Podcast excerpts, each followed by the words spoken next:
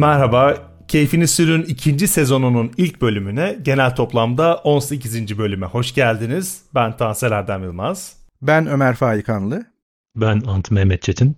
Yaklaşık bir aylık bir aranın ardından kendi aramızda konuştuğumuz onlarca konuyu biriktirdik. Eleştirilerinizi dikkatlice okuyup bazı noktaları güncelledik ve andı artık çok daha net bir biçimde duyduğunuzu fark etmişsinizdir. Onu yeni mikrofonuyla duyuyoruz. Bu sezonda otomobil üzerine konuşacak çok şeyimiz var ve ben ikinci sezonun başlangıcında aslında bugünün konusunun ne olduğunu şu an dinleyen herkes biliyor ama şöyle bir soruyla girmek istiyorum. Sezon arasında ben neredeyse 5000 kilometre yaptım ve bunun bir kısmında tek başımaydım. Otoyolda içinde olmanın iyi hissettirdiği bir otomobildeysen böyle 8-9 saat o tek başına yolculuk yapmanın hazzıyla kısa sürede biraz karşılaşmış oldum. O yüzden bunu bir size sormak istedim. Hani siz bu bir ayda ne yaptınız? Seyahat ettiniz mi? Etmeseniz de olabilir. Hani belki bir otomobile gözünüz takıldı. Bir, bir konuyla ilgili otomobille ilgili bir şeyler oldu. E, illa seyahat olması şart değil ama şu son bir ayda benim kişisel otomobil bağlantılı deneyimim buydu. Bir ayınız nasıl geçti sorusuyla bir başlamak isterim. Ben o anlamda bir Ankara-İstanbul, tabii İstanbul-Ankara geri döndüğüm için iki tane o şekilde yolculuk yaptım ve yine otomobil kullanmaktan büyük keyif aldım. Yani uçağı veya da hızlı treni, hızlandırılmış treni çok tercih etmedim. Ee, Türkiye'nin de iyi otobanlarından biri hatta belki de en iyisi yani güzergah anlamında. Ee, o yüzden de çok keyif verdi. O konudaki keyif hala devam ediyor. Onun dışında da beni son bir ayda en azından Ankara odaklı olarak en çok ne diyeyim hani şaşırtan demeyeyim de dikkatimi çeken şey e, MG'nin bu kadar çok görmeye başlamam. MG4'ü özellikle elektrikli MG4'ü ama MG markasını sokaklarda görmek. Hatta ilk defa çok uzun yıllardan beri hani bu işe biraz merakı olan biri olarak bir otomobili görüp markasını tanıyamamak. Bu neye falan derken Çin'den gelen yeni araba olduğunu öğrenmek falan. İşte birkaç tanesiyle karşılaştım. Yani son bir ay benim biraz Ankara özelinde böyle geçti. Biraz da özlemişim kendi adıma söyleyeyim. Çok kısa bir ara verdik ama böyle bir otomobiller üzerine ikinizle konuşmakta hoş bir deneyim. Ulaştıklarımızda umarım aynı deneyimi yaşıyordur bizimle beraber. Yani benim e, Kolombiya'dayım şu anda bilmeyenler için. E, tekrarlayalım. Otomobillerle alakalı pek bir Twitter'daki işte gündem konusu neyse otomobillerle alakalı onu onunla ilgili işte İngilizlerin bilhassa tweetlerini okuyup hakkında işte yorumlar yapmak ya da kendi yorumlarımı kendi Twitter'ımdan paylaşmak haricinde pek fazla otomobillerle aşırı neşir olmuyor. Burada arabam şu anda yok. Uber ya da işte taksi kullanıyoruz genellikle. E, onlar da oldukça alt düzey arabalar. Kolombiya'da yani taksiler baya baya. Taksinin kendisi ucuz, arabanın kendisi de ucuz. Yollar da ucuz. Genel olarak hayat Kolombiya'da oldukça ucuz. Ee, ama pek heyecan verici bir durum yok yani. Medellin'e ya da Bogota'ya falan gitmeniz lazım. Ee, o heyecanı yaşamak için. Enteresan olan iki şey var. Genelde Kate'in eşimin babası ne oluyor? Kayınpederim oluyor galiba. Ee, onun bir tane Jeep Commander'ı var. Ee, hatta Instagram'dan birkaç defa fotoğraflarını paylaşmıştım. Böyle çok güzel gece mavisi. Jeep Commander diye bir araba var. Hani dışarıdan baktığınız zaman hep konuşuyoruz ya böyle bunda kesin 4.2 litre V8 falan vardır deyip de 1.3 turbo 3 silindirli ya da 4 silindir de olabilir bilmiyorum muhtemelen. Hangisi ise her neyse fındık motorlu e, fakat 7 koltuklu böyle dışarıdan son derece şatafatlı falan gör, görünen bir arabası var. Arada sırada onu kullanıyorum. Aslında günümüzde hep konuştuğumuz o tüm hususları, tüm tezatları bir arada barındıran bir araba. Yani dışarıdan baktığın zaman gene bir arazi canavarı gibi görünüp esasında şehir içinde çocukları okuldan efendime söyleyeyim yüzme kursuna götürmeye falan yarayan, onun ötesinde pek bir işlevi olmayan ama e, bütün temel işlevlerinizi, esası temel ihtiyaçlarınızı yerine getiren bir araba. Onun dışında bir tane Uber geldi geçenlerde. Araba Chevrolet, burada Chevrolet'in bir tane hatchback'i var. E, B segmenti bir hatchback'i var. Chevrolet Sonic, Sonic olması lazım. Bu tabi yani başka ülkelerde Opel markasıyla da satılıyor olabilir. Tam olarak şeyini bilmiyorum ama GM grubuna mahsus e, bir arabaydı. Sağ koltukta ve arka koltukta bayağı heyecan vericiydi. Çünkü böyle turbo falan motorlu sağında solda kır, kırmızı turbo yazıları falan var. E, zaten bu bölümde mi konuşacağız? Bir sonraki bölümde mi konuşacağız henüz bilmiyorum ama ateşlerden bahsedeceğiz e, yakınlarda. O nedenle o e, Hateç temasıyla da uyumlu bir araba ama o işte gelen arada sırada 120-130 beygirlik B segment Uber'ler haricinde pek bir hareket yok e, otomobil anlamında hayatımda. Bu arada bu şey benim için çok ilginç oldu. Ee, mesela Jeep Commander'dan bahsettin. Genelde e, olabilecek en düşük e, motor spekleri ben Türkiye'de duyardım. Hani işte bu Amerika kıtasında o civarlarda en azından bizim bir üstümüzü duyardım. Jeep'te mesela ilk örneği bizde mesela e, 3.0 dizel versiyonu gelmiş sadece Türkiye'ye Jeep Commander'ın. Tam senin bahsettiğin hani bunda böyle bir motor vardır dediğin. E, oraya mesela 1.3'ü gitmesi ben genelde bunun tam tersini beklerdim. Şöyle bir düşündüm gururlanabileceğim bir şey mi diye bir an düşündüm ama benle de çok ilgisi olmadığını fark ettim. E, ve senin bu bahsettiğin e, Chevrolet Sonic e, şey Türkiye'ye Chevrolet Aveo olarak gelmişti. Onun yenisiymiş. Sen söyleyince oradan gördüm.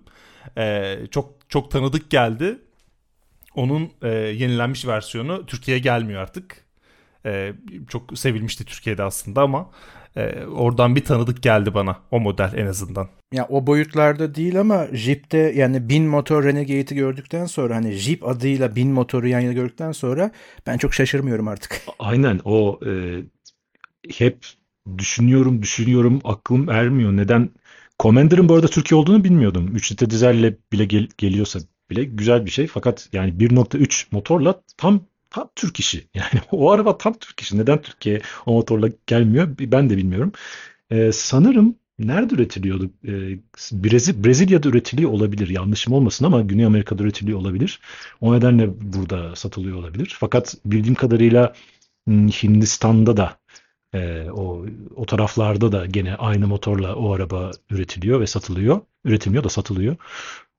Dolayısıyla aslında Türkiye için biçilmiş kaftan. Yani neden gidip düzeyini getiriyorlar? Vardır bir sebebi. Şey de Ares'ti yanlış hatırlamıyorsun. Sonic Ares. Yani şey motorun motorunu falan da hiç araştırmadım ama bir ara bakmıştım. İlk geldiğimde böyle Kolombiya'ya geldiğimde aa ne kadar hoş görünen yani böyle agresif görünen efendime söyleyeyim şık ve Kolombiya sokaklarına bu kadar uygun bir araba diye dikkatimi çekmişti. E, çok çok tatlı. Yani Hateçler zaten e, her her türlüsüne bayılıyorum. E, bazı tabii ülkeler var daha uygun e, Hateç.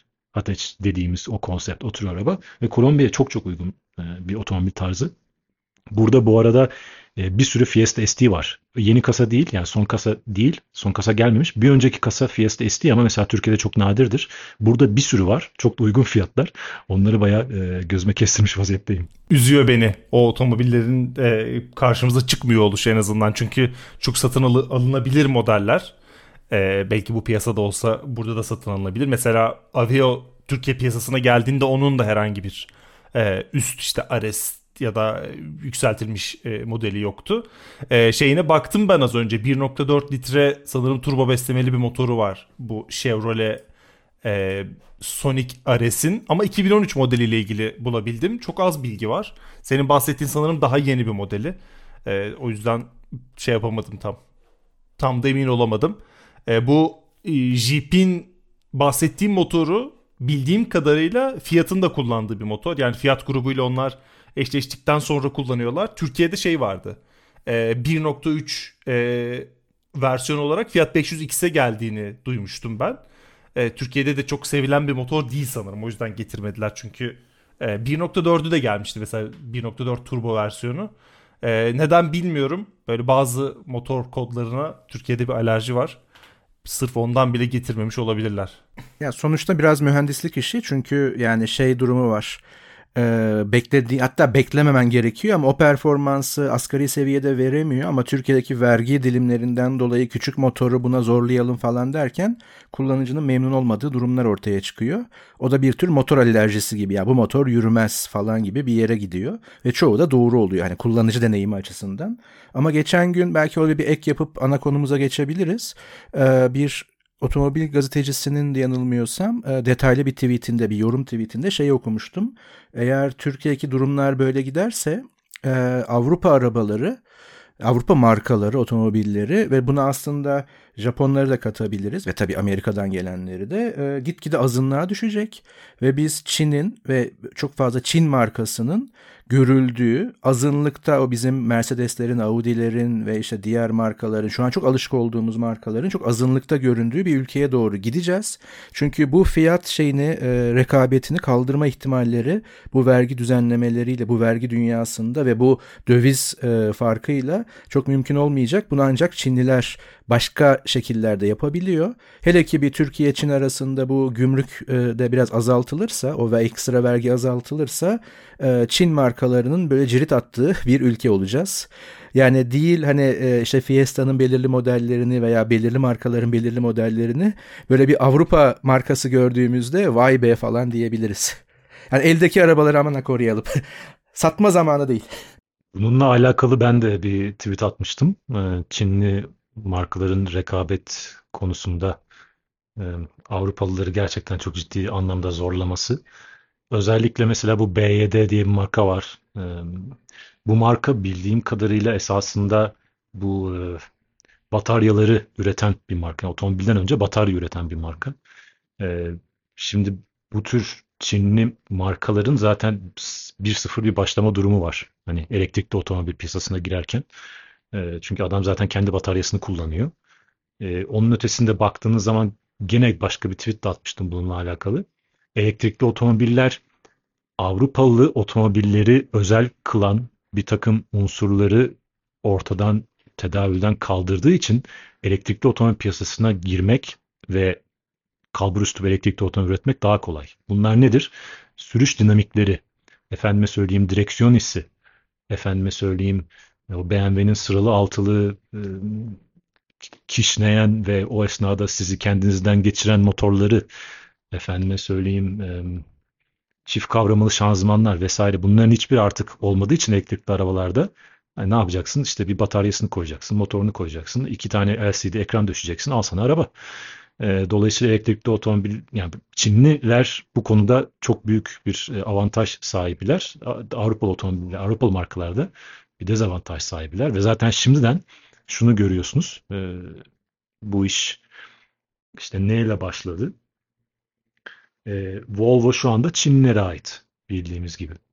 Efendime söyleyeyim e, ne var şu anda aklıma gelmiyor. Kö köken olarak hani MG oraya gitti. Heh. Kapanmıştı ama sonuçta oraya gitti. MG oraya gitti. MG Çin, Çinliler aldı.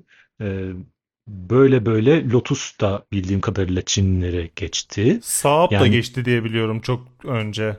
Heh, yani biraz zaten zorluk içerisine giren e, Avrupalı markalar anında köpek balıkları, Çinli köpek balıkları tarafından yutuluyor ve Çinlileştiriliyorlar. E, dolayısıyla e, yarın öbür gün Jaguar da bunların arasına katılırsa hiç şaşırmayın. Çok kötü durumda Jaguar finansal açıdan. E, o nedenle e, Avrupalı otomobil üreticilerinin geleceği pek parlak değil. E, onlar da enteresan bir şekilde en büyük pazarları onların da Çin. BMW'nin mesela en büyük pazarı Çin. Onlar da ilginç bir şekilde Çinlilere arabayı satmaya çalışıyorlar. Çünkü eğer Çin'de zenginseniz Çinli arabaya binmek bir e, hava atma unsuru değil. Onun yerine alabileceğiniz en pahalı ve en çirkin BMW'yi alıyorsunuz. E, ve böylece biri olmuş oluyorsunuz bir anda. Yani onlar da olmasa BMW de bugün çok zor durumda olacak kalacak veya diğer e, Avrupalı özellikle Alman premium markalar. Ama Ömer'in söylediği kesinlikle doğru. Ee, inşallah gelmez ama yakında öyle görünüyor ki bugünleri, bugünkü halimize şükreder, şükreder hale geleceğiz. Otomobil dünyasını Çinliler mi e, sonlandıracak ve o rekabeti azaltacak derken onların kurtardığına inanarak e, bu kısmı biraz tamamlamış gibi olduk. Özellikle işte BMW'nin e, yaşadığı durumdan dolayı. E, bu bölümün konusuna ben geçiyorum çünkü çok heyecanlıyım bu konuda. Hem And'ın yorumlarını merak ediyorum bu içerikle ilgili. Çünkü onun ben Twitter'da ve kendi aramızda konuşmalarımızda yorumlarını duyuyorum. Böyle derli toplu bu konuda konuştuğumuzda ondan duyacaklarımı merak ediyorum. Bir yandan e, Ömer işte benden çok daha uzun zamandır e, bu alanı takip ediyor ve bu alanda hem çok fazla fikir üretiyor hem de aktif bir takipçisi. Konumuz Formula 1.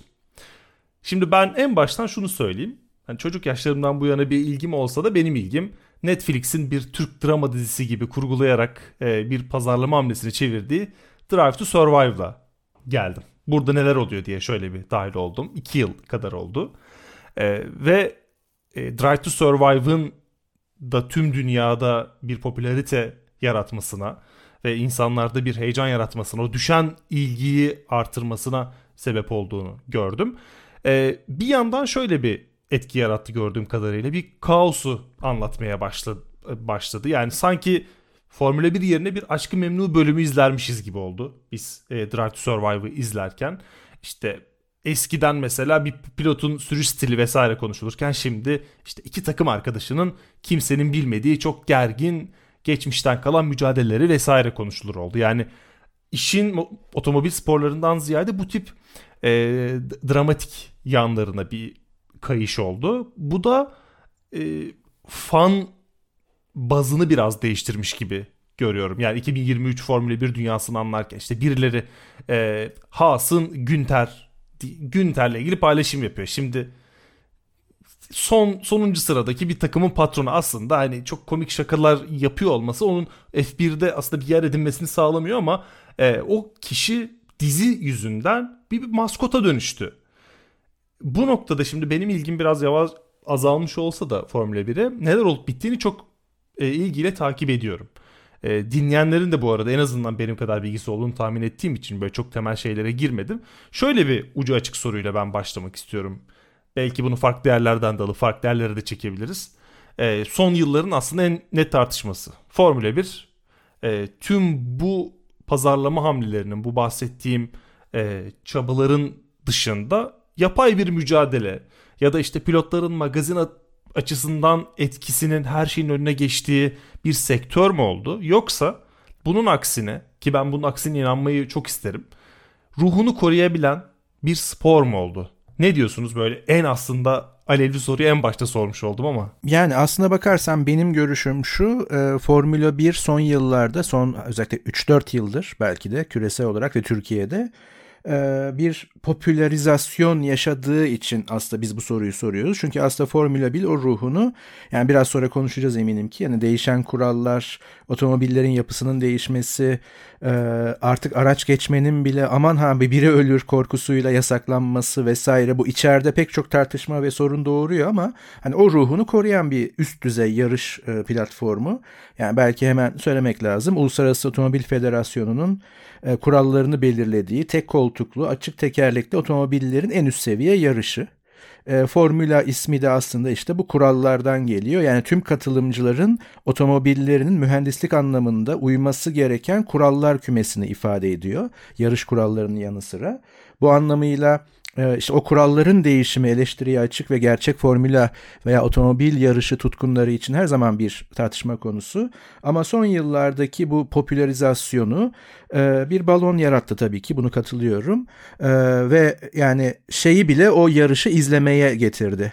Yani 20 otomobil bir pist etrafında dönüyor işte diyen birini bile ya işte bugün yarış var Mercedes falan filan diyen birine getirdi. E tabii yayın da bu kadar e, ulaşılabilir olduğu zaman ki ben hemen kendi anılarımdan e, söyleyeyim. Yani ben Senna'yı bir şekilde izlemiştim. Canlı değil tabii ki. Ama artık o zaman Türkiye'de yayınlanıyor muydu? Yoksa hani özet görüntüler falan mı vardı? Hiç hatırlamıyorum. Ama e, o zamanlardan ben Formula'da ne olduğunu biliyorum. Ama tabii ki şey olarak değil. Detaylarıyla veya o kadar değil. Ama mesela işte o Senna'nın öldüğünü duyduğumda üzüldüğümü hatırlıyorum. Düşün yani bu kadar etki yapabiliyor. Ee, sen dedin ki işte pilotlar arası çekişme falan dedin ki Hani biz o kadarına belki çok bilinçli yetişemedik ama hani Prost Senna aynı takımda yani McLaren Honda içerisindeyken rekabetleri ki takımın güzel bakın McLaren Honda takımı yani. Şimdi artık daha farklı şeyler var. Ya da Senna Schumacher, genç Schumacher rekabeti ki Senna'nın da bir anlamda aşırı risk alıp ölümüne sebep olan rekabet. Yani Formula'nın ruhu o anlamda devam ediyor. Ama Netflix dediğin gibi bunu bir başka boyuta taşıdı ve Netflix çok daha popüler bir platform olduğu için oradan formüla izlemeye gelenler yani 20 tane otomobil pist etrafında dönüyor ne yapalım canım diyenler birdenbire bu işin içine girince şimdi onlar şu tartışmayı körükledi. E, niye kimse kimseyi geçmiyor? Şöyle güzel bir kaza olsa da izlesek. Yani biraz Amerikan mantığına döndü. Çünkü bu otomobil sporun Amerika'da çok az aslında sevilmesinin sebebi Amerikalıların NASCAR gibi her an böyle bir şey olabilecek işte otomobillerin birbirine çarparak geçtiği falan şeyleri sevmesi. Ee, oradaki o eğlence kültürünün hani aynı şey futbol için de var. İşte soccer, futbol ayrımı o yüzden var orada. Yani 0-0 bitebilen bir müsabakayı anlayamazlar. yani bu nedir şimdi niye izledik bu olur her şeye rağmen. Şimdi Formula da bazen 0-0 bitebiliyor. Çünkü e, mühendislik dominasyonları o kadar yoğun olabiliyor ki oranın süperstarları olan pilotlar yeteneği ne olursa olsun ancak onu özel olarak izlersen ve hatta bazen detaylarda yani 8. yarışırken 7. pozisyonu almak için yaptığı atakta falan görebilirsin o yeteneği veya yaptığını. Ama tüm dünyada bu tip yarışlarda veya müsabakalarda hep 1-2-3 takip edildiği için ve son 3 yıldır hani e, aslında hep böyleydi ama hep o bir belli olduğu için yani ben buna e, biraz eteklerimi taşıdı hemen dökeyim sıra bendeyken genç veya ergen Anakin Skywalker dediğim Verstappen yani alıp götürdüğü için hem yeteneğiyle hem de e, Red Bull'un ona sağladığı tüm imkanlarla aslında oralarda heyecan azalınca birdenbire aslında biz neyi izliyoruz ki bu bir balon mu deniyor. Ama ben biraz sonra tekrar e, tabii ki söyleyeceğim şeyler var ama hayır ruhunu koruyor ama esas mesele e, Uluslararası Otomobil Federasyonu FIA'nın getirdiği ön, engelleyici kurallar ve artık formül araçlarının, formül otomobillerinin otomobil olmaktan uzaklaşması. Yani sesinden tutun da motor gücüne kadar çok kısıtlı hale gelmesi. Biz ikinci bölümde esas onu konuşacağız ama şimdi ben de anda dinlemek istiyorum.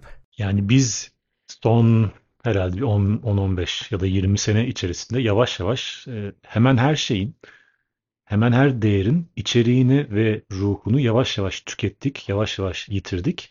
Çünkü e, günümüzde dikkat, e, attention span dedikleri şey var yani dikkat edemiyoruz, dikkatimizi toplayamıyoruz ve uzun süre bir şey odaklanamıyoruz. O yüzden e, her şey bunun müzikte de bu geçerli, motorsporlarında da bu geçerli. Hemen her şeyin kısa vadede bizim dikkatimizi çıkma, çekmesi lazım ama yarın unutabiliriz. Önemli değil.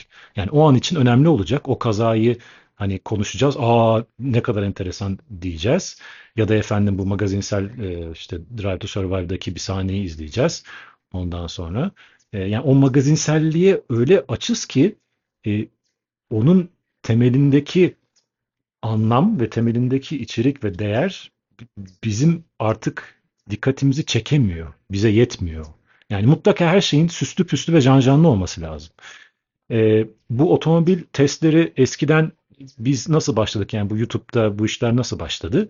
İşte Chris Harris'in ya da işte Top Gear üçlüsünün e, muazzam betimlemeleri ve işte karşılaştırmaları ve efendime söyleyeyim Jeremy Clarkson'ın meşhur iki cümlede bir arabayı tamamıyla bir anda özetleyebilme becerisi vesaireden e, bugün e, saçma sapan vloglara geçtik. Artık işte hangi ünlü hangi arabayı aldı, hangi arabayla ka- ka- kaza yaptık, hangi arabaya kaç para verdi.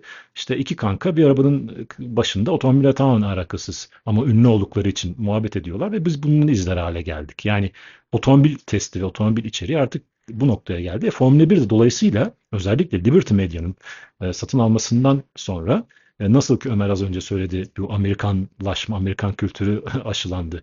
E, ya da Amerikan kültürü değil, Amerikan zehri aşılandı belki de Formula 1'e. E, aynen Liberty Media zaten Amerikalı. E, onları aldıktan sonra e, olan bu. Hani belki şu anda çok fazla farkında değiliz fakat bir dönüşüm içerisinde. Şu anda hala iyi pilotlar var. Ara sıra işte birbirlerini geçiyorlar falan filan. Ama yani e, aynı Erdem'in de söylediği gibi e, bu Formula 1'in şu anda e, aslında Liberty Media bir yandan doğru bir şey yaptı. Çünkü çağa ayak, ayak uydurdu. Eğer eskisi gibi devam edecek olsaydı e, sayı gitgide azalıyordu. Takip eden insan sayısı, izleyici sayısı gitgide azalıyordu. Şu anda artıyor. Ama neden artıyor? İşte Drive to Survive'dan tut, tutun da efendime söyleyeyim e, işte bu e, kazalar ondan sonra işte Hamilton'ın demeçleri ondan sonra işte e, mesela birazdan bu konuya da değineceğiz. Bu F1 CEO'su e, neydi beyefendinin ismi? Muhammed bin Süleyman. E, az önce az önce değil işte 9 Ekim'de söylemiş ki F1'in daha fazla takıma yani en azından bir ya da iki tane iki daha fazla takıma ve daha az yarışa ihtiyacı var e, demiş. Bununla da ilgili birazdan konuşuruz. Sizin de görüşlerinizi burada merak ediyorum. E, fakat mesela e, ben sağda solda sürekli e, Alpin takımının e, Amerikalı yatırımcılar tarafından yüz milyonlarca aldığı yatırımı mesela okuyorum. Veya efendim Aston Martin e, Aston Martin F1 takımının e, sürekli son sıralarda olan Stroll diye bir arkadaş var. Lance Stroll var biliyorsunuz.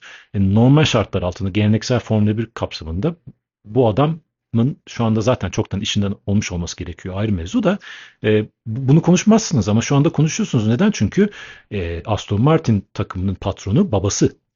E, başka bir Stroll. ismini unuttum şimdi. E, ve nepotizm deniyor buna bildiğim kadarıyla. E, en güzel örneklerinden bir tanesi. Yani başka bir takımda çünkü e, aylar öncesinden kovulmuş olması gerekiyordu o çocuğun.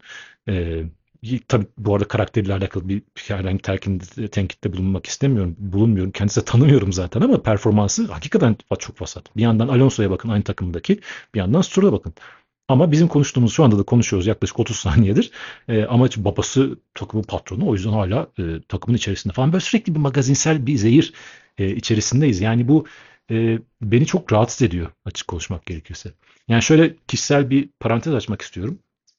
E, bir ukdemdir bu. E, ar, ar, arada sırada değil eskiden yapardım. Artık pek yapmıyorum da Ant Mehmet Çetin yazıyorum Google'a. İlk sırada ne çıkıyor? Hani autocomplete var ya. Ad Mehmet Çetin yazdığın zaman Fox kazası ilk sırada çıkıyor. İkinci sırada bilmem kimle yaptığı kavga çıkıyor. Yani bu zaten Türkiye'de özellikle Türkiye gibi biraz daha maalesef az gelişmiş ülkelerde bu magazinle e, günlük e, açlığımızı doyurma mevzusu durumu var. Ama bütün bu dünyaya bu e, salgın, bu zehir yayılmış vaziyette. Yani sürekli bir dedikoduya açız.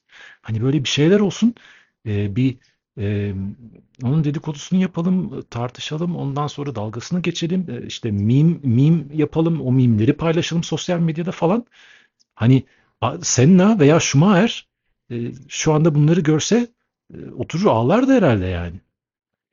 Hani sporun, bu Formula 1 sporunun, bu asil sporun geldiği noktayı e, gördüğünüz zaman. Nasıl ki Ömer az önce söyledi. Hani aman Geçme bak yoksa biri ölür kaza yaparsınız maazallah Allah korusun.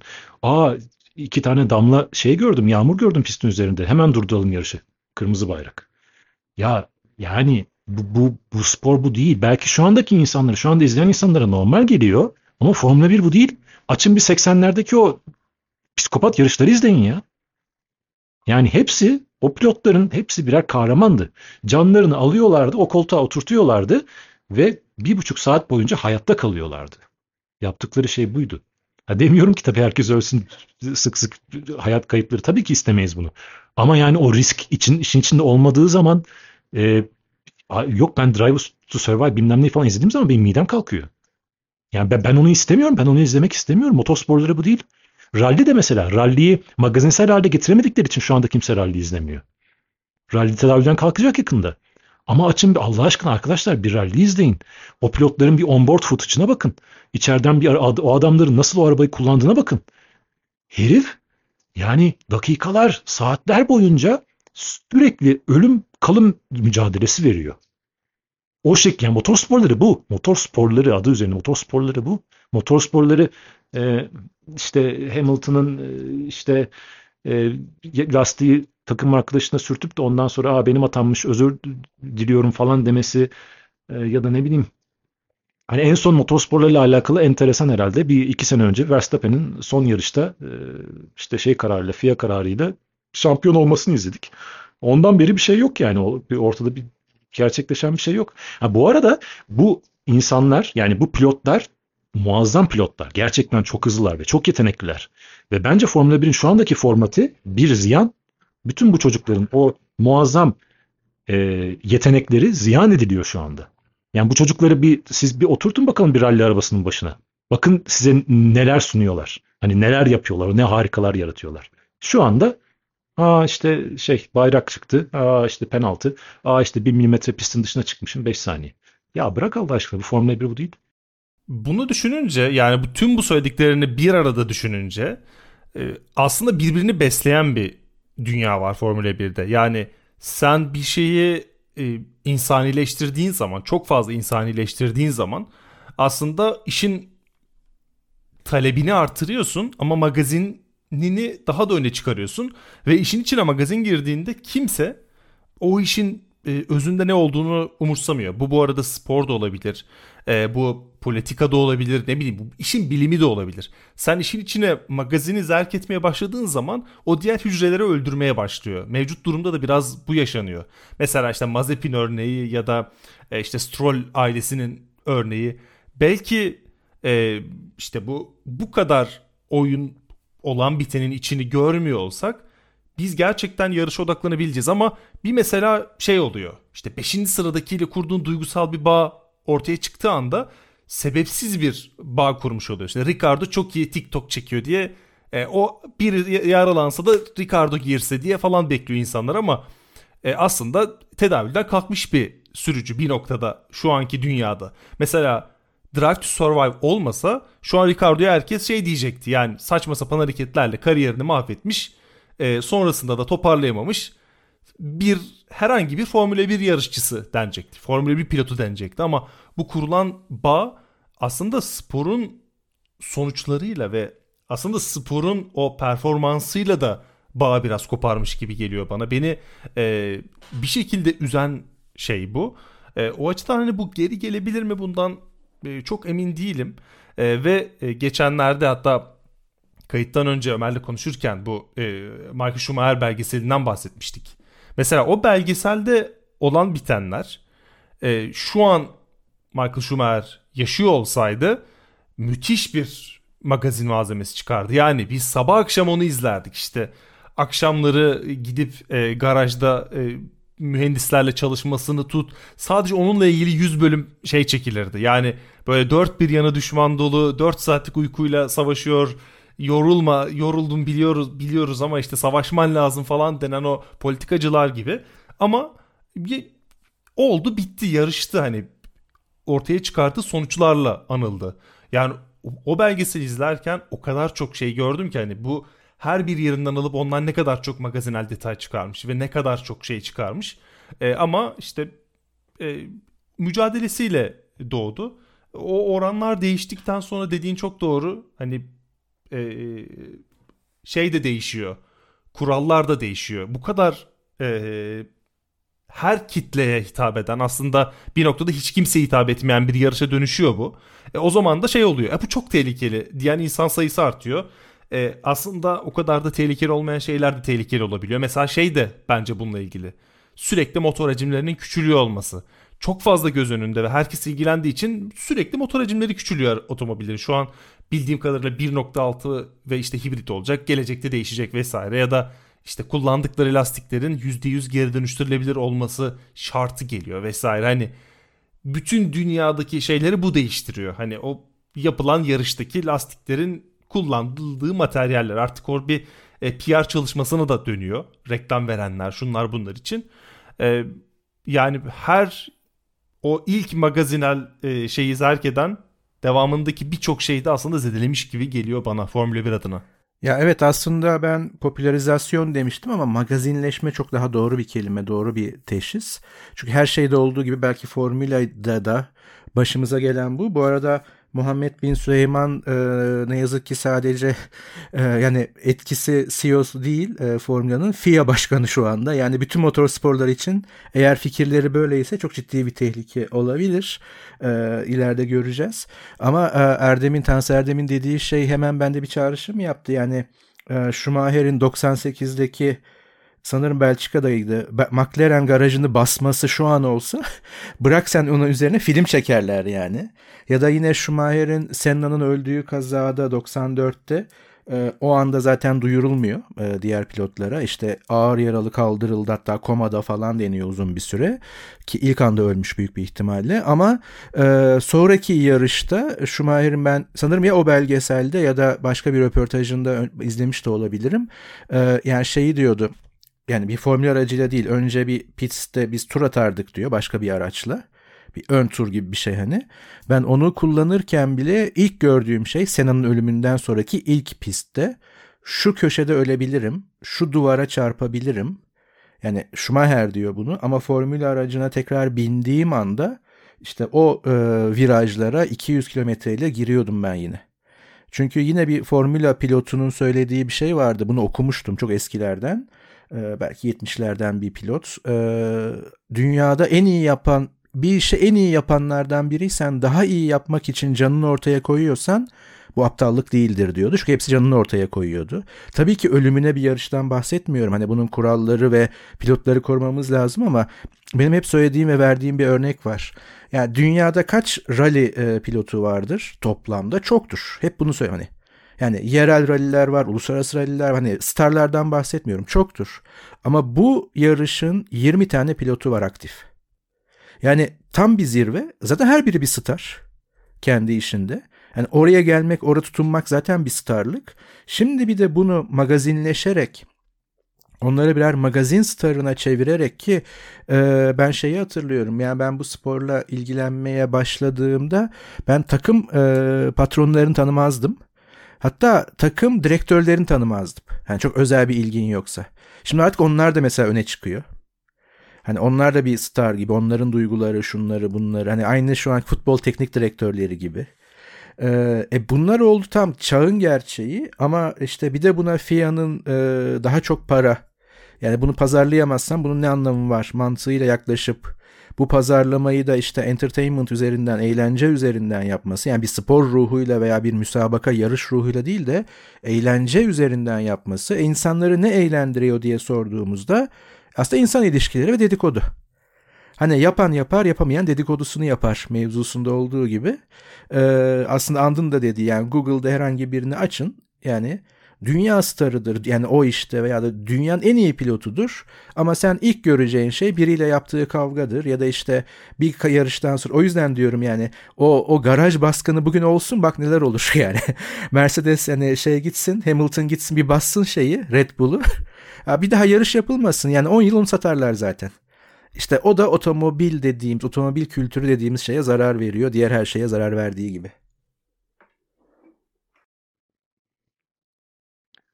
Bu Bin Süleyman'ın işte söylediği e, az önce de söyledik tekrar edelim işte daha fazla takım ve daha az yarışa ihtiyacı var Formula 1'in. Bunu biraz konuşalım isterseniz.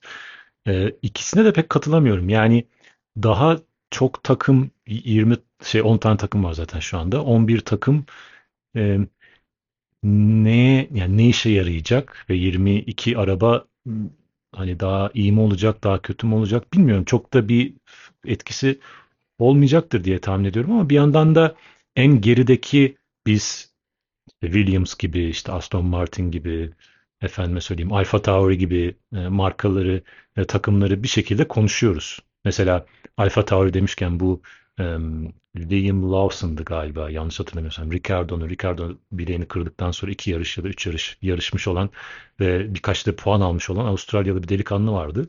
Ona da helal olsun bu arada. E, Alfa Tauri gibi işte Red Bull'un ikinci takımının üçüncü pilotusun ve bir anda çıkıp puanlar alıyorsun. E, büyük büyük bir başarı. E, ama yani bu takımları biz bir şekilde konuşuyoruz. Neden? Bu Formula 1'in magazinsel yapısından dolayı. Ha yeni bir takım atıyorum gidip de Audi girer, Porsche girer falan. Tabii ki başımızın üzerinde yeri var. Ama yani mesela şu anda e, ne bileyim Haas. Hani Haas Formula 1'e ne katıyor? Çok emin değilim. Ee, ya da ne bileyim Williams. Williams'ın ismi var tamam ama ne katıyor çok emin değilim. Ee, dolayısıyla ben daha fazla takıma da pek bir faydası olacak. Muhakkak tabii bu adam bu açıklamayı yaptığına göre bu söylediği şey daha fazla para anlamına gelecektir herhalde. O yüzden e, bunu söylüyor, bunu istiyor. E, daha az yarış hiç katılmıyorum. İki sebep bak şimdi.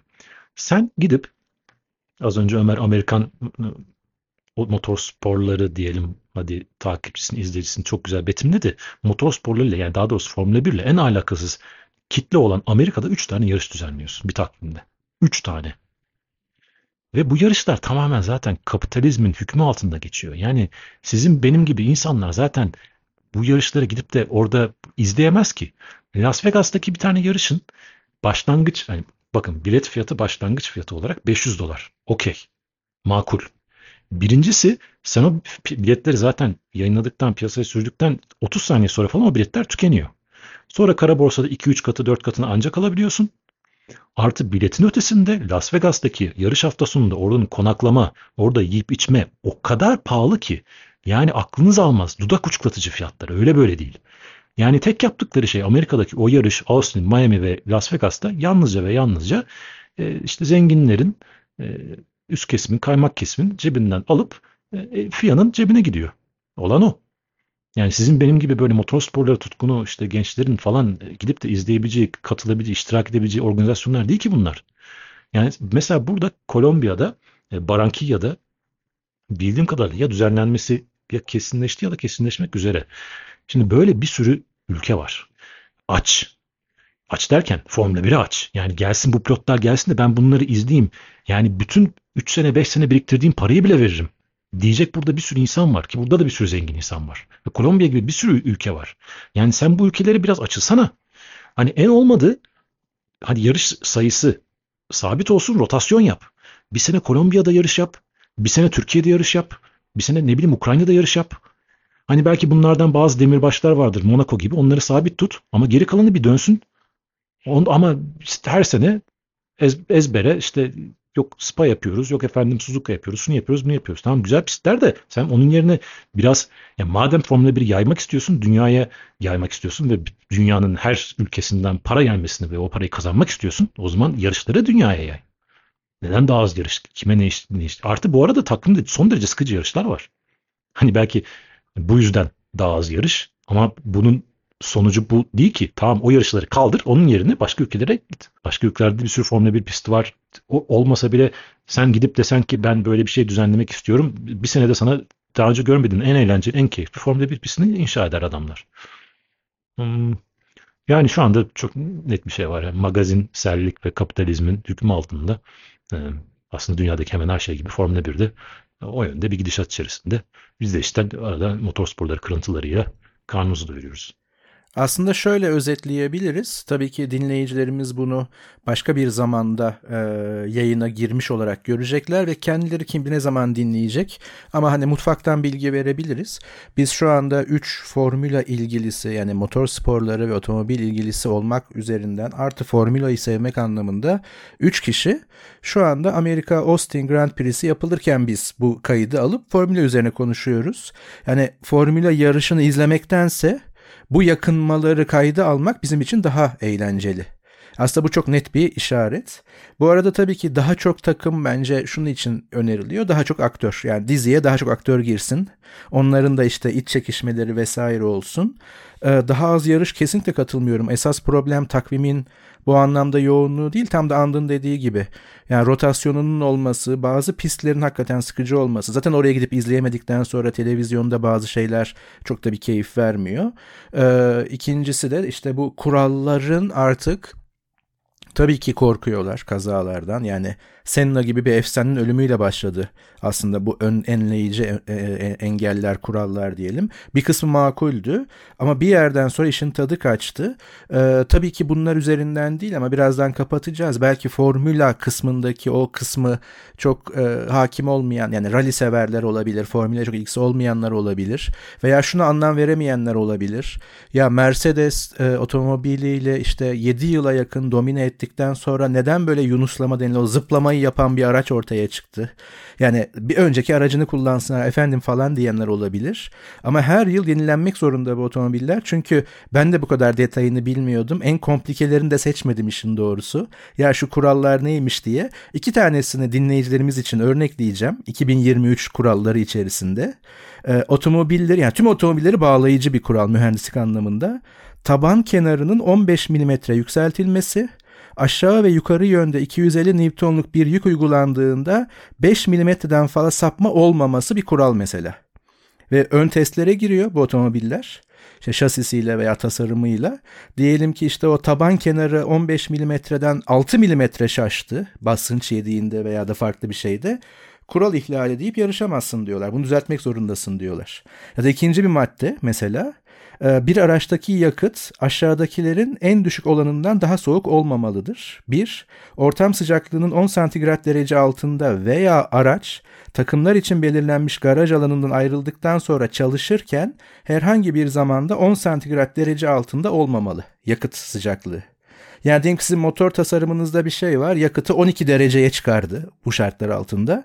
Yine kural ihlali diyorlar. İşte o yüzden formüla mühendislikle pilotajın yani pilotun birlikteliğinin en önemli ürünü ama kurallar böyle olmaya başladığı andan itibaren iş mühendislik yanına doğru daha çok kayıyor.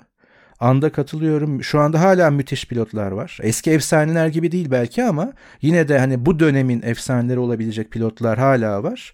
Ama artık makineye hatta makineye değil yani bir adım sonra dijitale doğru gidecek.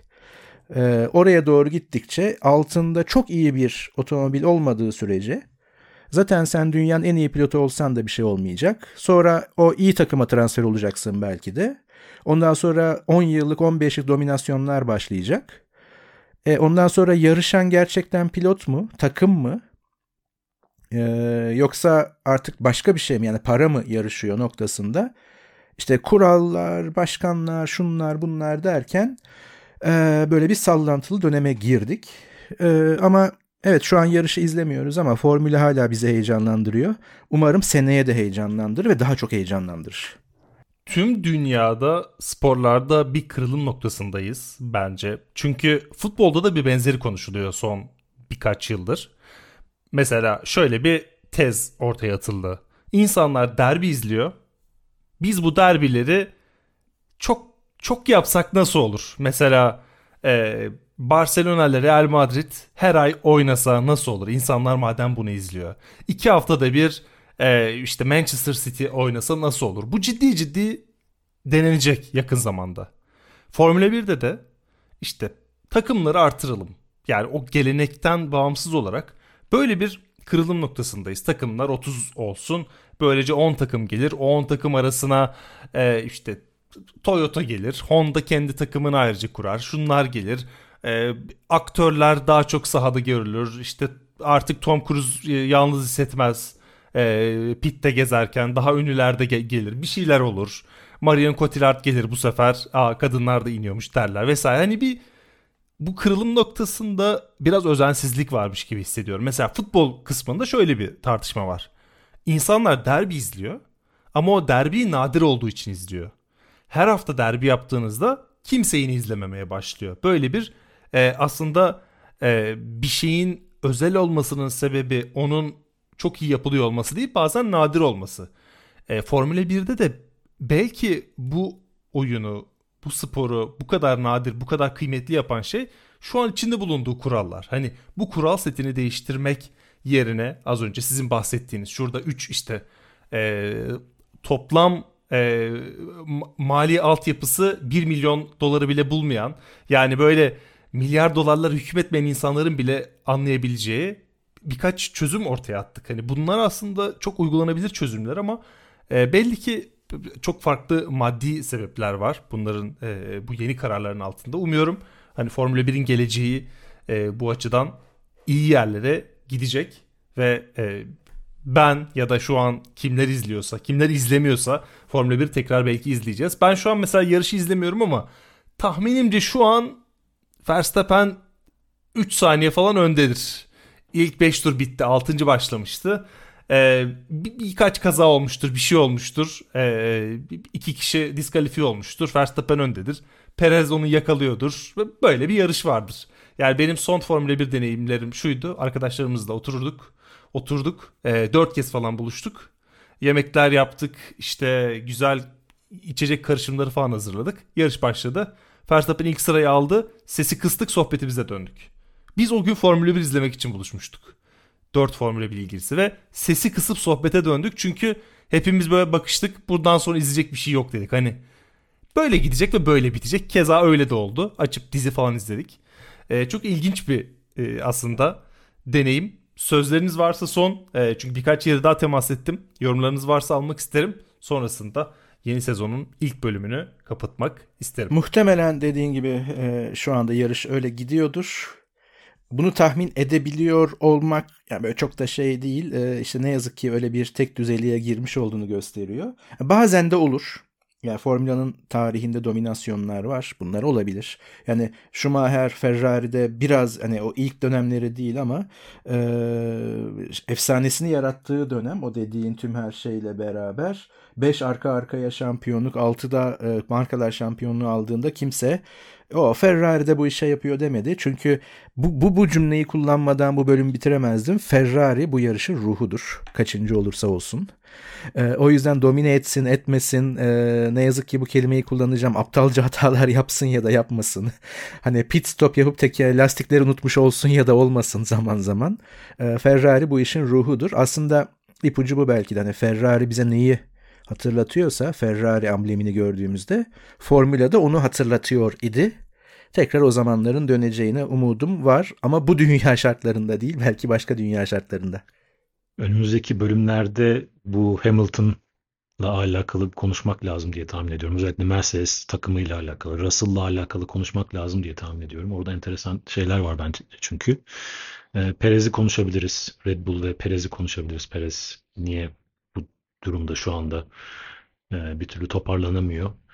E, yani aslında sadece sıralama babında konuşuyorum. Belki pist üzerinde gördüğümüz aksiyonlar değil ama sıralama babında siz Verstappen'i bu sıralamadan tamamen çıkartacak olursanız enteresan bir değişim, enteresan bir karışım.